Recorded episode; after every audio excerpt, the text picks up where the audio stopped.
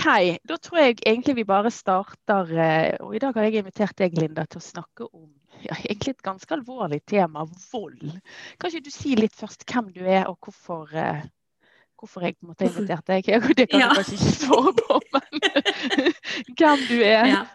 ja, det kan jeg. Linda Kvalvik heter jeg. Jeg er barnevernspedagog eh, og jobber på ressurssenteret om vold, traumatisk stress og selvmordsforebygging eh, Vest, som ligger her i Bergen. Eh, så bakgrunnen min er jo hovedsakelig fra barnevernstjenesten, men det jeg jobber med nå eh, på RVTS Vest, det er fagområdet vold og seksuelle overgrep. Eh, og jobber mye med kompetanseheving og kompetanseutvikling innenfor de tjenestene som møter barn og foreldre. Eh, ja, sånn at det vil jo være da både alt ifra jordmor til helsesykepleiere til barnevern til barnehage, skole, ja, andrelinjetjeneste. Så det er nok derfor du har invitert meg, og fordi at jeg har pleid å være oppe hos dere og at jeg har hatt litt undervisning. ja, fordi at eh, Og da kommer vi på en måte sånn rett på sak. For et av eh, altså, Svangerskapsomsorgen er jo på en måte vårt første møte med den gravide, og Mm. kanskje for så vidt andre hvis hun er flergangsfødende. Men, men da er jo et av punktene i retningslinjene at vi skal på en måte skrine for vold i nære relasjoner. Mm. Og det eh, tenkte jeg at det er jo lett å si, men det er på en måte ikke så lett å gjøre. Og det er jo her jeg liksom tenker at vi kanskje kan snakke litt om jeg, jeg, hvordan bli god på det, og på en måte Mm. skrine noen for noe. sant? Mm. Ja, og da tror jeg altså det, det er på en måte flere element, men jeg har litt som sånn grunnholdning at den eneste måten vi kan bli god på noe, det er faktisk å gjøre det. Sånn at eh, når vi ønsker å bli bedre på noe, og vi ønsker å utvikle oss, så må vi faktisk tørre å kaste oss ut i det og prøve oss på det. Men det er lettere hvis vi har en viss trygghet på at vi har retningslinjer eller rutine, vi vet hvem vi kan få hjelp av, vi vet hvordan gjør vi det her, her som jeg jobber. Eh, Det er lettere, men, men å tro at vi kan ta kurs etter kurs etter kurs for å bli veldig god, og så skal du gå ut og gjøre det, da tror jeg vi bommer litt. For jeg tror vi er nødt til å prøve oss frem og erfare og finne ut av hva er det faktisk som er mine styrker i dette her, og hvor er utfordringene mine, og så kan vi jobbe med de. Når det er sagt, så tenker jeg at det andre som er utfordrende akkurat med vold, eh, som kanskje er mer utfordrende enn en del andre temaer, det er jo at det er mer tabusert. Sant? Vi opplever at det kan være vanskelig for den vi snakker med å spørre. Det kan være vanskelig for oss sjøl. Og vi tenker at vi blir invaderende. Eller at vi, vi, vi går inn i noe som, som egentlig burde vært valgfritt eh, hos den andre. Så var det jo sånn at eh, For noen år siden når de prøvde ut dette her for å se hvordan reagerer gravide på å bli spurt om vold, eh, så viste jo alle prøveprosjektene at det var et fåtall som syntes at det var negativt de fleste syntes at det var helt greit å bli spurt, eh, eh, og, og, tenkte at så lenge det er en del av en rutine og alle blir spurt, så er det greit. Det er vanskeligere hvis man føler at man er utpekt eller tatt ut av mengden, og, og deg spør jeg, men ikke de andre. Så det er jo kanskje det som jeg tenker er det aller viktigste med sånn screening, eh, er at når det er noe som er felles for alle, så vil ikke man føle seg utsatt eller utpekt som at at du har sett noe på meg. For det blir problemet hvis du skal skrine ved indikasjon. Ja. Sant? Fordi at hvordan skal, du, hvordan skal du vite at Det viser ikke utenpå at noen er utsatt for vold. Det viser ikke at noen har vært utsatt for seksuelle overgrep. Du kan ikke se på noen hva slags erfaringer de har i livet. Eh, eller vite fordi at du har snakket med noen en gang at deg blir jeg bekymra for, du har sikkert opplevd vold, så jeg spør deg. Men jeg spør ikke noe, hun som jeg snakket med etter deg, for hun så litt kjekkere ut, eller hun hun var litt eh, mer til stede i samtalen. Så, Ja. ja. Men, men kan jeg bare spørre deg om noe, da? For det, da tenker jeg liksom, Kan du snu det andre veien òg, Linda? At ja, det, når vi alminneliggjør det, så er det er på en måte mer sånn allment aksept. Det spør man om. Mm. Men, men kan jeg på en måte bruke det sånn fra et type jordmorperspektiv, da, eller helsesykepleierperspektiv? Du, jeg tror kanskje ikke hun er utsatt for vold, så jeg lar være å spørre. Og så er det egentlig at jeg tar mer utgangspunkt i mitt ubehag ved å spørre. Ja. Altså, altså at eh, Vedkommende kunne kanskje tenkt seg at gud, hvor deilig at hun spurte, men jeg lar være, for jeg syns det er ubehagelig. Og så sier jeg det er så ubehagelig for Linde at jeg spør. Men det er egentlig Ja. meg. Ja, jeg tror vi gjør det hele tida. I, I alle situasjoner vi kommer i der vi skal ta opp vanskelige temaer, så, så, så vegrer vi oss gjerne bevisst og, og gjerne ubevisst og tenker at nei, dette blir så tøft for den andre, mens det er egentlig oss det er tøft for. Ja. Eh, sant? Og vi har mange eksempler på det, både fra, fra voksensamtaler og barnesamtaler, på at, eh, at vi tenker at eh, vi påfører den andre stress og ubehag, men det er egentlig vårt eget stress og ubehag som hindrer oss. Altså Vi har barrierer i oss sjøl som gjør at det er vanskelig for oss å ta de opp. Og da er det jo En av de tingene som jeg har vært mer og mer opptatt av de siste årene, er jo nettopp det med at vi eh, at vi tenker at det handler om at ikke vi har retningslinjer, rutine og tid, men det kan vel så gjerne handle om at det gjør noe med meg å høre om vonde og vanskelige erfaringer. Eller det gjør noe med meg å ta inn over meg en, annen person sin smerte, som gjør at jeg tror ikke jeg orker det i dag. Litt sånn avhengig av hvor, hva har skjedd i mitt liv den siste tiden, da. Eller hele livet mitt, for så vidt. Men sant? jeg tror at jeg har jo mer overskudd på jobb en dag der jeg har hatt en fin start, der jeg ikke er bekymra for barna mine, eh, der livet mitt ellers er noenlunde greit, så har jeg mye mer kapasitet til å ta inn over meg hvordan din dag er, og hva du opplever. Og hvis du har det vanskelig, så tåler jeg å høre om det. Men hvis jeg har ei tøff uke, har krangla mye med mannen min, har et barn som sliter, trives ikke så veldig godt på jobb, er kjempestressa for jeg har ei sjuk mor, eller eh, sånne ting, så har jeg mindre kapasitet og mindre evne da, til å fange opp de signalene som andre gir, og til å stå i det hvis du skal ta, få innblikk i andre sin smerte eller andre sine utfordringer. Og så bortforklarer vi det kanskje ubevisst med at det blir så ubehagelig for den andre. Så da går vi ikke inn i det. Men, men, akkurat det der kan jo altså Du sier alle kjenner seg igjen i, men, men, la oss si da at jeg står i en situasjon der jeg på en måte tenker at jeg skal skrine, eller må spørre, men kjenner på akkurat disse følelsene som du sier nå med at jeg vet ikke om jeg takler det i dag. Mm. Har jeg et har jeg et sånt valg, på en måte? Eller, altså, er det greit å si at i dag altså, Kan jeg ta det neste uke istedenfor? Altså, la oss si en svangerskapskonsultasjon da, der du har på en måte gitt la oss si alle parametere hos kvinnen eh, fysisk da, er normale. Det vil si at nå er du hos meg i, i uke 12, du skal ikke komme igjen før i ja, la oss si uke 24. Mm. Det er tolv uker, det, Linda. der jeg liksom, Fordi at jeg i dag eh, jeg vet at det, Hvordan kan jeg løse den, det ubehaget, da? Eller, eller, eller, må jeg bare si OK, greit, dette er livet og jobben min, jeg må bare gjøre det? Ja, jeg tror både òg. Altså, jeg tror at eh, tolv uker er ganske lenge. sant? Ja. I hvert fall for de som lever med det og er utsatt for det. Um, så, så, da bare å tenke nei, men jeg føler meg ikke helt grei i dag, så jeg utsetter det. Jeg tror jeg ville lagt vekt på å ha fast rutine for når gjør jeg det, og da må du òg bare gjøre det. Ja. Eh, sant? Men jeg ville jo tenkt at hvis, det, hvis, du kjenner at dette er et tema du kvir deg til, så ville jeg ikke lagt opp de konsultasjonene til klokka tre en fredag. Eh, jeg ville tenkt kanskje akkurat de konsultasjonene, hvis, hvis man har bestemt på min, min uh, helsestasjon eller der som jeg jobber med svangerskapsoppfølging, at dette spør vi om i uke tolv, eller vi spør om det i uke ti, eller når de er inne første gangen eller andre gangen. Eh, så vil jeg ha lagt meg en rutine på at de avtalene tar jeg litt tidlig på dag, sånn at jeg har sjanse til å få hjelp av andre hvis det skjer noe eller oppstår noe som gjør at det blir vanskelig. At, at den planleggingen kan du gjøre.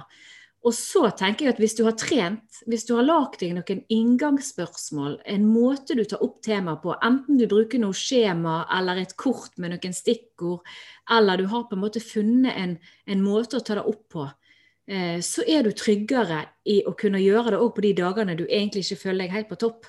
Sant? Ja. Eh, fordi det er litt sånn som jeg pleier å si til barna mine, at hvis du skal bli god i fotball, ja, så står du og trener da, på å treffe det målet. Og hvis du skal bli god i matte, så må du gjøre matteoppgaver.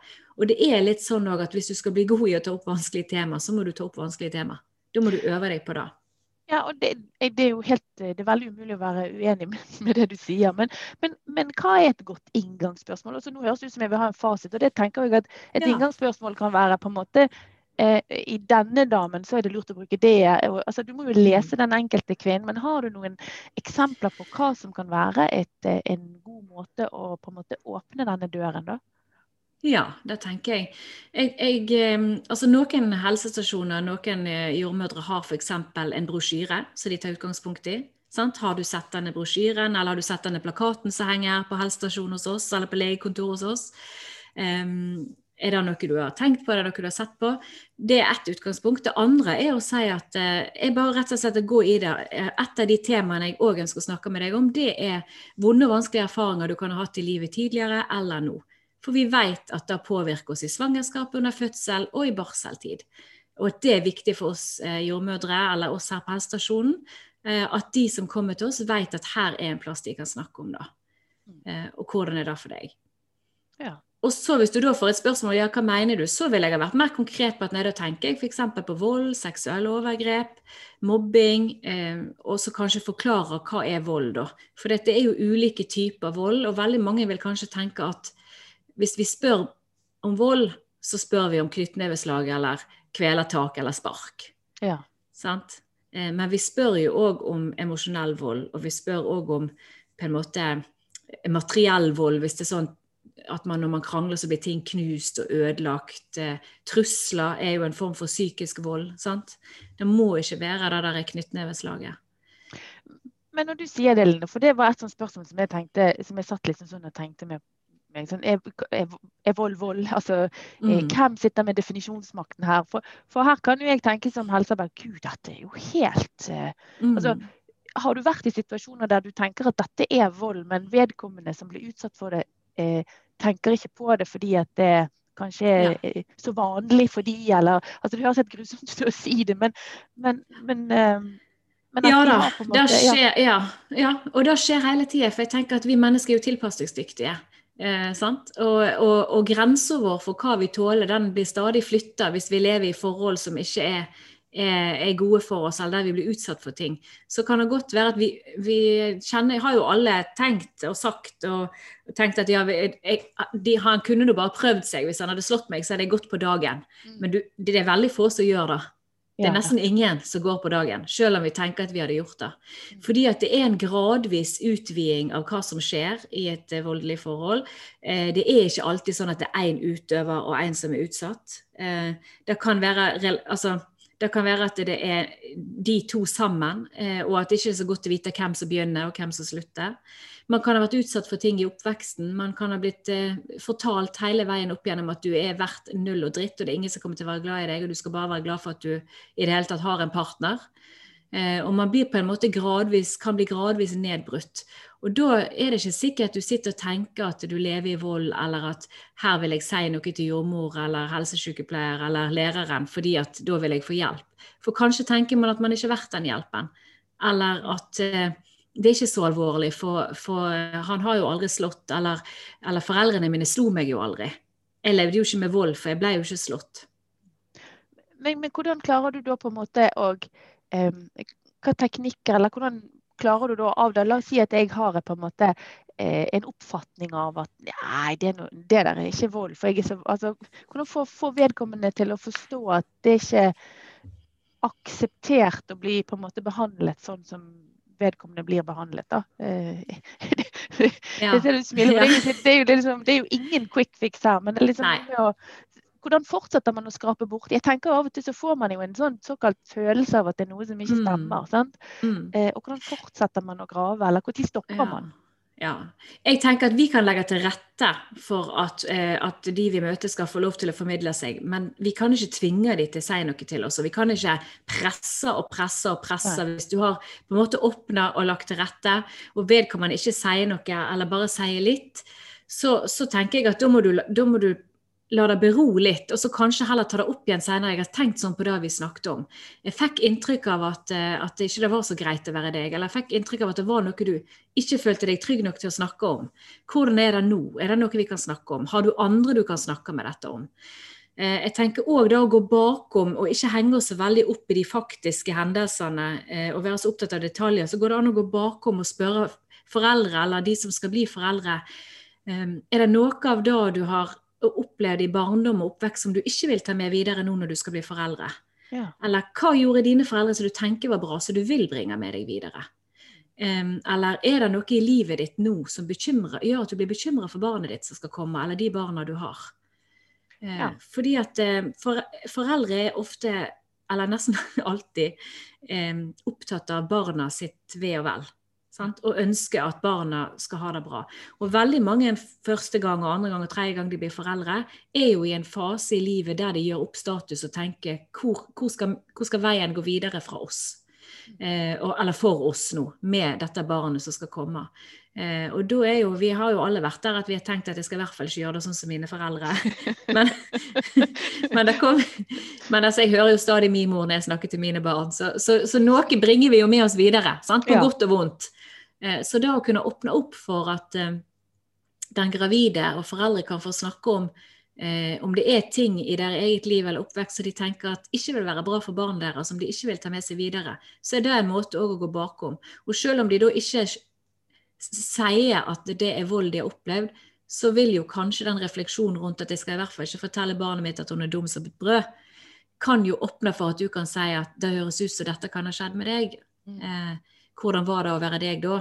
Og så har du, hvis du da går inn i en litt sånn ikke-dømmende posisjon, så tenker jeg at her går det an å si at dette høres ikke bra ut. Og sånn som jeg forstår det, så ville jeg tenkt at dette er psykisk vold. Ja. Og så kunne man hatt en diskusjon rundt ja, men hva er vold egentlig, da. For hvis vi blir sånn ovenfra og ned og skal lære dem at nå må du forstå at dette her er vold, for vi har 15 kategorier med vold, og, og nå krysser jeg av her for at du opplever den og den type vold, så tror ikke jeg vi kommer noe langt. Ja, da har du stengt døren før du har, du har ikke fått ja. nøkkel i døren engang. Men, men ja. det der som du sier, Linda, med at du på en måte kan, kan stoppe og ta det opp igjen seinere, for jeg vil jo tenke noen ganger at ja, nå har jeg for det første ja, jeg, Det har jeg spurt om, og takk Gud for det, for det er jeg ferdig med. For det er ubehagelig. Det det, det, er den ene på en måte gaten man kan gå i. Men den andre er denne Det er noe her.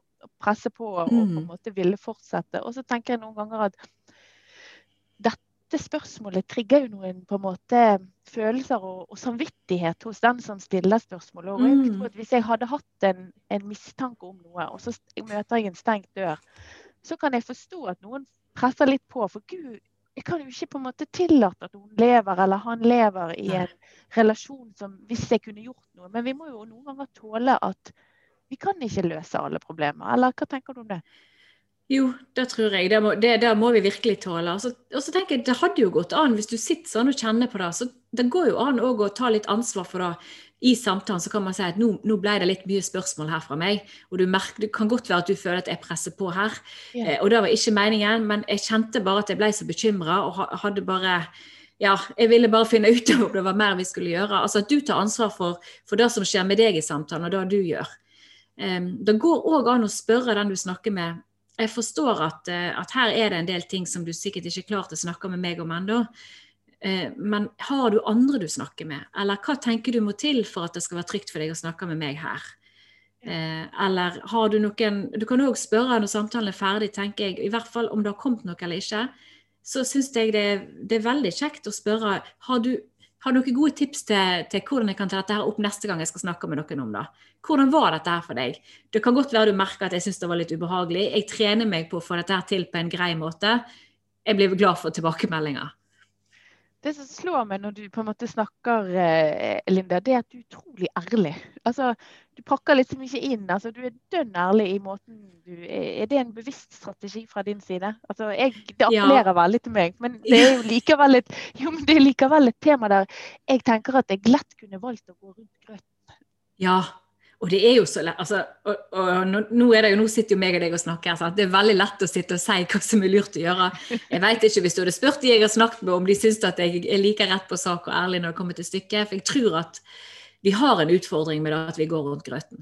Ja. Og veldig ofte så vet jo både vi og den vi snakker om, hva det er vi egentlig vil frem til. Sant? Så det er nesten bedre å bare plumpe ut i det. fordi at hvis, det, hvis vi skal gå så lenge rundt grøten og snakke så vidt så, så, så, vil jo de andre fange opp at vi syns det er ubehagelig. Og det er noe med tabu eh, sånn, Vi snakker mye om dette når vi, eh, når vi har om samtaler med barn, men det er jo vi som overfører og viderefører tabu. Sant? Hvis vi skal tenke at det ikke skal være tabuisert for den vi snakker med, å snakke om ulike tema, så må i hvert fall vi klare å kaste av noe av den, av noe av den tabuopplevelsen. Da. Ja. Tenker du at hvis jeg da liksom går rundt grøten og speiler at dette syns jeg er ubehagelig og er tabubelagt, så kan jeg også føre en sånn form for skam på den som jeg snakker med? Nei, dette vil ikke jeg snakke med noen, for det er faktisk litt flaut at jeg blir utsatt for vold. Altså, ja, eller, det, eller, i hvert fall ville jeg kanskje tenkt at jeg tror ikke jeg sier noe til henne, for hun syns det er så ubehagelig. Jeg sparer henne for det. Ja, Fordi at en, av, ja, for at en av de tingene som holder oss tilbake fra å fortelle om ting, er jo at vi frykter den andre sin reaksjon. Ja. Og hvis vi allerede før vi har sagt noe, får en opplevelse av at 'jeg tror ikke Katrine tåler dette her'. Jeg ja. ser allerede nå hun litt rød i fjeset. Jeg tror ikke hun tåler at jeg forteller at mannen min pleier å voldta meg jevnlig, eller at, uh, at, jeg har opplevd mye seksuelle overgrep i barndommen, eller at uh, når jeg blir veldig sint, så slår jeg ungene mine. Nei. Sant? Eh, så, så da, da, fordi at man gjør jo sine vurderinger. altså Den som er utsatt for vold eller har med seg vonde og vanskelige erfaringer, vil hele tida jobbe med sin egen sikkerhet og sin egen, altså sitt eget liv. Og hva er trygt for meg og ikke trygt for meg, og hvem kan jeg stole på, og hva skjer hvis jeg forteller deg dette her. Ja. Ja, men Det er jo et veldig viktig perspektiv at, at, mitt, over, altså at mitt, ubehag overfører på den som jeg tror jeg skal hjelpe, og så hjelper ja. vedkommende meg istedenfor. Sånn? Ja. Ved å ikke si noe. Sånn? Det... Og så var det en annen ting du spurte om i stad som, som, jeg glemte. Men, for du sa dette her med eh, om det kan holde oss igjen, eller at vi på en måte ubevisst lar være å gå inn i det for at det er ubehagelig for oss. En annen ting som jeg tenker som kan være ubehagelig for oss, og som gjør at vi òg eh, hindrer oss å gå inn i det, det er at det da å kunne klare å være i noen andre sin smerte, eller være sammen med noen andre i smerten, og unngå da at vi skal fikse opp i det med en gang. Fordi ja. at eh, veldig mange av våre yrker er jo type hjelpeyrke. Man har gjerne gått inn i de for man ønsker å utgjøre en forskjell. Eh, man ønsker å være varm og vennlig og ivaretakende, og vi vil helst eh, liksom komme til løsning, da. Og finne en løsning. Så, så utfordringen vår hvis vi spør er at vi risikerer å få ja til svar. Vi risikerer å få en gravid som forteller at eh, jeg, jeg, har det greit nå, men jeg vokste opp med både vold og rus hjemme. Eller eh, jeg har det greit nå, men jeg er bekymra for mannen min, for han har vært utsatt for mye vold, og han blir ganske sint. Eller eh, nei, vi har det ikke så greit, fordi at jeg klarer ikke å styre sinnet mitt. Um, og, og, de kan bli lei seg, og de kan, de kan, fortelle om følelser og ting. Og så vil vi fikse det. Vi vil gjerne veldig fort komme med løsninger. Men da foreslår jeg at vi henviser til sånn og sånn, eller dette høres ut som du må ta et kurs for, eller dette skal jeg ordne opp i. Og så er det noe med å, å, tenke at det er ikke alt vi kan ordne opp i, og det er ikke sikkert de vil at vi skal ordne opp i det der og da. Det kan være at det holder at vi på en måte bare lytter. Eh, og, og, og, og, er til stede og lar de være litt i den smerten, uten at vi skal skynde oss å få de ut av, eh, ut av det. Men hvordan senser du når du skal på en måte hjelpe? Jeg kan kjenne meg veldig igjen i den 'gud, dette må vi få ordnet opp i'. Men hvordan, hvordan senser du, eller eh, har du noen signaler du liksom Eller er det det bare direkte spørre 'vil du at jeg skal' eh, ja, jeg tenker kanskje ærlighet her igjen. For, ja. for jeg, jeg, hørte på podkast her for en stund siden med hun Anne Lindmo.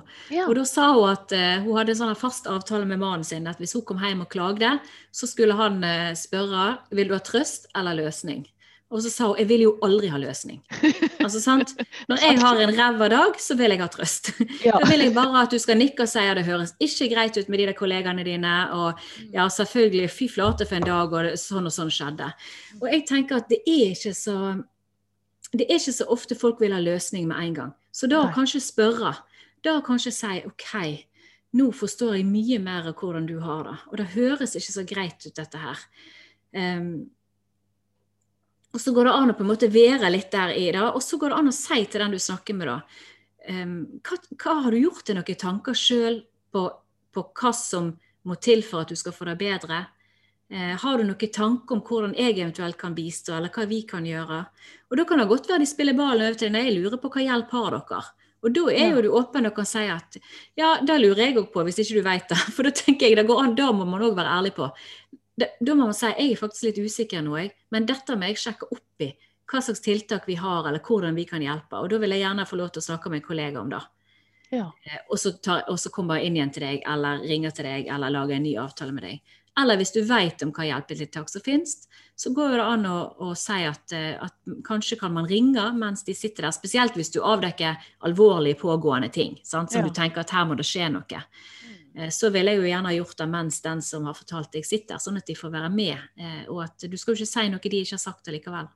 Nei, nettopp. sant. Så det er helt hele tiden denne ærligheten og åpenheten i dialogen for å på en måte skape både trygghet og forutsigbarhet. Mm. Det er jo ikke egentlig det som, som slår meg når vi, vi, snakker. Men da vil jeg gå tilbake til noe som du sa, eh, dette med å trene. Du kan, blir aldri god på noe som du, du, ikke trener på. sant?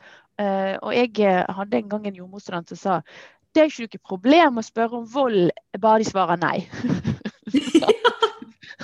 ja, men jeg synes det var, det var sånn, jeg tror hun satte ord på noe som alle tenkte. Jeg håper de svarer nei her. Ja, ja. Og det er jo de fleste, heldigvis, Linda, har på en måte ikke denne problemstillingen. Som betyr at hvem skal jeg trene på da noen ganger? Altså Hvis jeg er helt nyutdannet jordmor, sant? og så skal jeg, ja.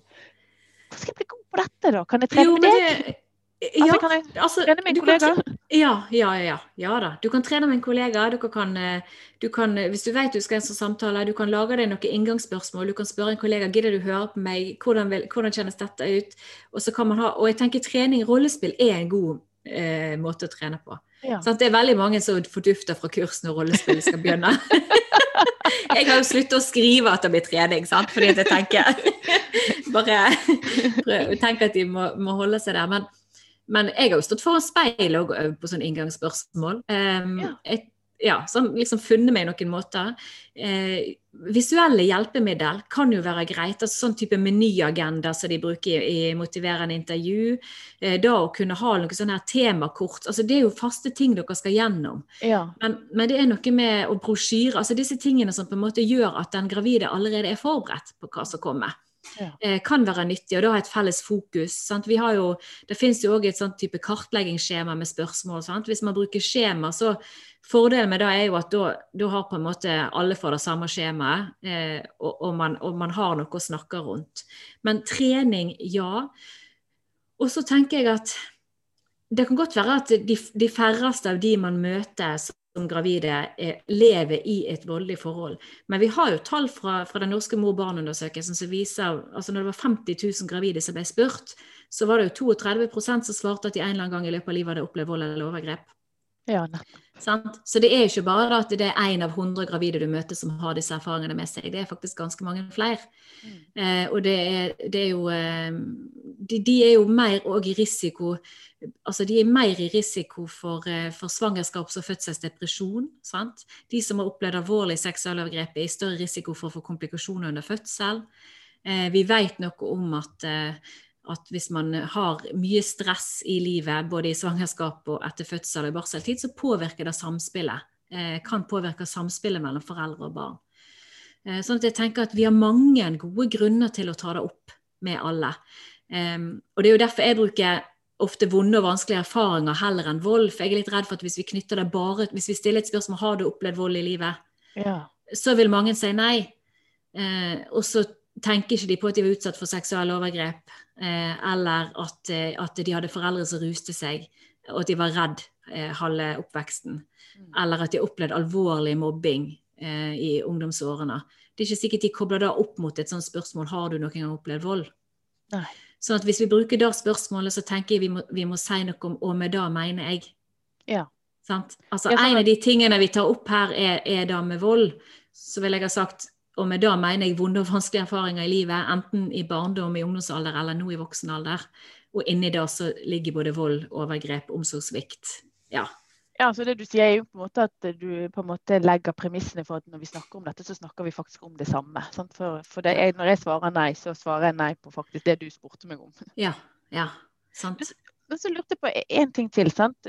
Å trene det er én ting, og du trener sikkert mindre i dag Linda, enn du gjorde for noen år ja. siden. For du får jo en, en, erfaring, og vi blir tryggere i vår egen rolle mm. også eh, etter mm. hvert. Men så, så, slår det meg at eh, noen ganger når du tar opp vanskelige ting, eller noen stiller meg et vanskelig spørsmål, så kan jeg liksom sånn åh, der traff du noe som jeg ikke har lyst til å snakke om. Så jeg velger på en måte sinne og aggresjon istedenfor. Mm. Og så er jeg da avhengig av at jeg skal følge denne kvinnen eh, fram til fødsel. Hvordan kan jeg da på en måte La oss si jeg, at, eh, at min, min, fremgangsmåte eh, i avdekking av vold eller, eller vonde og vanskelige følelser har på en måte trigget eh, rett og slett en, et sinne hos mottaker som, som, som, gjør at du kjenner på at Vet du hva, jeg og hun jeg treffer henne bare ikke litt en gang i forhold til altså, eh, det, det, er helt krasj når vi møtes. Mm. Fordi mm. jeg har på Hvordan rydde opp? Har du vært med på noe sånt? Ja, ja. Altså, jeg har jobbet mange år i barnevernstjenesten. Ja, ja. ja, ja. Men, det, det, men, det, er mange som da tenker at hvordan det er mulig å få til et samarbeid eh, når man jobber i barnevernstjenesten. Og jeg må jo si at jeg blir jo imponert stadig vekk over hva foreldre hvor langt foreldre strekker seg i å samarbeide rundt barna sine. Til og med med et system som de kanskje er redd og som de kanskje ikke alltid har tillit til, og som de kan være uenig i. Eh, men jeg tror at det handler da om eh, Noen ganger så vil det selvfølgelig være best både for deg og den gravide eh, å få et annet tilbud hvis det ikke lar seg løse, men, men, jeg ville ha på en måte tatt det opp først. Jeg ville ha lagt på bordet at det virker som om vi ikke har det så greit sammen. Ja. Eh, og at eh, jeg, jeg, jeg, vil gjerne høre med deg hva er det som gjør at det er vanskelig. hva er det med meg som er vanskelig? Eh, og hvilken opplevelse er det vi har hatt? Eller jeg, jeg fikk forståelsen av at da at jeg tok opp det med vold, eller da at jeg tok opp sånn og sånn, at da reagerte du på. Hva var det som skjedde da? Og så tenker jeg, så handler det om å validere følelser. Og da kan du ikke komme med forklaringen på hvorfor du har gjort sånn og sånn. Da må du tåle den andre sin opplevelse, og så må du si ja, det er ikke rart at du blir sint da, når du sitter med en opplevelse av at jeg mistenkeliggjorde deg, eller at jeg formulerte meg dårlig, eller sånn og sånn. Altså du må på en måte Da må den andre få ha de følelsene. Uten at du sier 'men'. Du må huske ja. på at jeg er nødt til å ta dette her opp med alle. Ja, og... må, da må du kunne klare å si 'takk for den tilbakemeldingen', dette skal jeg ta med meg neste gang'. Eh, hva tenker du jeg skulle gjort for at du skulle oppleve den situasjonen som god? Og så må du svelge de kamelene, selv om du tenker at 'jeg gjorde nå en god jobb'. Her er det her, det er ikke bare meg det går på her. Nei, og, og, men det var jo på en måte akkurat det jeg ville at vi skulle liksom diskutere bitte litt. For det er jo veldig fort gjort å gå i den Her stilte jeg opp, og jeg har brukt ja. dagevis på at, ja, ja, At vi går inn i den på en måte litt sånn Det var ikke meg, men, men det er jo egentlig helt mine følelser Jeg er egentlig sekundært. Eh, i, i, den settingen, sant? De er det, men vi skal likevel være bevisst på at vi tar dem med oss inn. Ja, ja, ja, ja. Men, men, selve opplevelsen til den vi møter, kan avhenge av mange ting. Det kan avhenge av, av, av ting ved oss, ting ved deres situasjon den dagen, ting vi minner om. Eh, møter du mennesker som er traumatiserte, som har med seg mye vonde, vanskelige erfaringer, så kan da at du ligner på noen være. Da at du bruker samme parfyme eller en lignende lukt. Altså Det kan være ting i situasjonen som trigger, som ikke du kjenner til, og som de kanskje ikke sjøl kjenner til. Nei. Som gjør at de rett og slett ikke klarer helt å forholde seg til deg. Eh, da kan det være. Men at vi tar med oss vår Altså vi, vi er jo på en måte det viktigste verktøyet vårt. Så vi tar jo med oss oss sjøl inn i situasjonene. Og da kan vi jo kanskje føle at hvis det er noen som eh, som, som, vi ikke får kontakt med, eller som vi føler at ikke liker oss, så, så kan vi ta det personlig og tenke at Eh, jøss, jeg har nå gjort så godt jeg kan, og jeg er nå en god person, og her har jeg nå stått på, jeg har trent meg, og jeg, jeg begynte denne samtalen på en god måte. og så blir det på en måte litt sånn her Så går vi i forsvar. Og så har vi lyst til å gå i forsvar, og så har vi lyst til å forklare hvorfor vi gjør som vi gjør. Men det er jo da vi må på en måte trekke frem litt profesjonaliteten vår, og så må vi tåle da at den andre har en annen opplevelse av situasjonen enn oss. Og så må de få støtte på den opplevelsen, heller enn at vi skal prøve å overbevise de om at du tar feil. Og akkurat det som du sier der, det tror jeg er jo egentlig viktig å ta med seg inn i, en, i nesten i enhver kommunikativ på en måte situasjon. Sant? Altså Når vi er den profesjonelle aktøren, så kan jo jeg være både i fødsel og i svangerskap, og du kan være med veldig mange, Linda, der, der vi på en måte eh, kjenner på at jeg har lyst til å gå inn og nesten bli litt sint og irritert og, og korrigere, fordi at jeg har jo egentlig. Sant? Men at, ja at vi må huske på at det er de som på en måte står i for så vidt krisen fødsel eller krisen svangerskap eller krisen ja. hva det skal være. Ja, og, og nettopp da òg å være klar over at altså vi kan tenke at vi har hatt en god samtale og hatt et godt møte og vi har hatt godt samarbeid, og, og, den gravide liker meg og jeg liker henne og sånn, men vi må ikke underkommunisere eller glemme å tenke på at det er ikke maktlikhet i den relasjonen. Vi kommer inn som den profesjonelle. Vi har i utgangspunktet mer makt i den situasjonen. Um, og det er ulikt hvordan mennesker reagerer på makt, og hvordan de opplever makt. Sant? Sånn at Hvis du møter en gravid som, som i seg sjøl opplever å ha mye påvirkning på sitt eget liv, på samfunnet og verden for øvrig, eh, og har en opplevelse av at dette her fikser jeg og ting går greit, så er det klart at det er en litt jevnere balanse. Men møter du en gravid som kanskje har med seg vonde vanskelige erfaringer, kanskje opplever at jeg har ikke fiksa helt av det med utdanning og jobb, eh, muligens har et litt komplisert forhold til eh, barnefar, eh, føler egentlig at, eh, at, nå kommer hun inn i et system der de mistenker mistenker henne for noe bare i form av at hun er født i utlandet eller har utenlandskfødte foreldre, og så kommer de spørsmålene, så er det en helt annen opplevelse av maktjevnhet i den relasjonen. Selv om vi kan kanskje tenke at det var hyggelig, Eh, og, og, de smilte og de var blide. Så er det, det er ikke sikkert de smiler og er blide fordi at de syns det blir så hyggelig. Det kan være fordi det er da de tenker de må gjøre. For at ikke ja. vi skal bli mistenksomme, eller for at ikke vi skal reagere på dem. Så, så, eh, da å av og til ha oppe og reflektere litt rundt hva vi sjøl bringer inn i situasjonen, og hvilke forhold som påvirker de relasjonene, da tror jeg er nyttig for oss. Ja. ja veldig, veldig spennende. Jeg jeg har i hvert fall lært eh, veldig mye, Linda, nå. Men, ja, men, vi, du vet jo at vi lærer så lenge vi holder på, sant? så jeg har lært mye nå i dag. men dette med å på en måte, Hvis jeg skal oppsummere litt, så tenker jeg dette med å på en måte, ja, det å være ærlig og det å våge å på en måte tåle å stå i ubehagelige situasjoner. Det er jo ikke nødvendigvis gå i forsvar, selv om jeg mener meg berettiget til å forklare meg. Mm. Mm. Eh, det er viktig.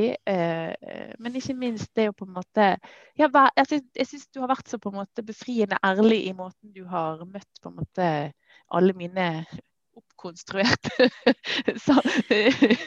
Ja, ja, men de er jo ikke oppkonstruerte. Det er jo det som skjer i virkeligheten. sant? Ja, sant? Men det å trene og det å være ærlig, det er liksom det jeg sitter igjen med. en sånn, eh, Og, og ærlig på deg sjøl, og hva føler jeg nå? Nødvendigvis ikke bringe mine følelser inn i, inn i kommunikasjon. da. Ja, og kanskje da i etterkant, hvis du har hatt en samtale som du syns har gått bra, eller en samtale som du syns ikke har gått bra, så være ærlig på det sammen med noen andre etterpå. Hva var det egentlig som skjedde? Eh, sånn at, du, at, du, at, ikke vi bare koster det av oss og går videre. Fordi at Hvis vi gjør det, så, hvis vi aldri stiller spørsmål til vår egen praksis, eller, eller det vi får til, eller det vi ikke får til, så utvikler vi oss heller ikke. Så da å ha rom for det i et kollegaskap tenker jeg er ekstremt viktig. Eh, at du har noen, eh, og helst bør det vært satt i et system innenfor ledelse, da, men at det er rom for å ta opp hva gjør det med meg å møte mennesker som har hatt disse opplevelsene? Hva gjør det med meg å ta opp dette temaet? Eh, hvordan påvirker det meg, både her på jobb, men òg privat? Altså, er det sånn at jeg ikke får sove? Er det sånn at jeg er kvalm og kvir meg til disse samtalene?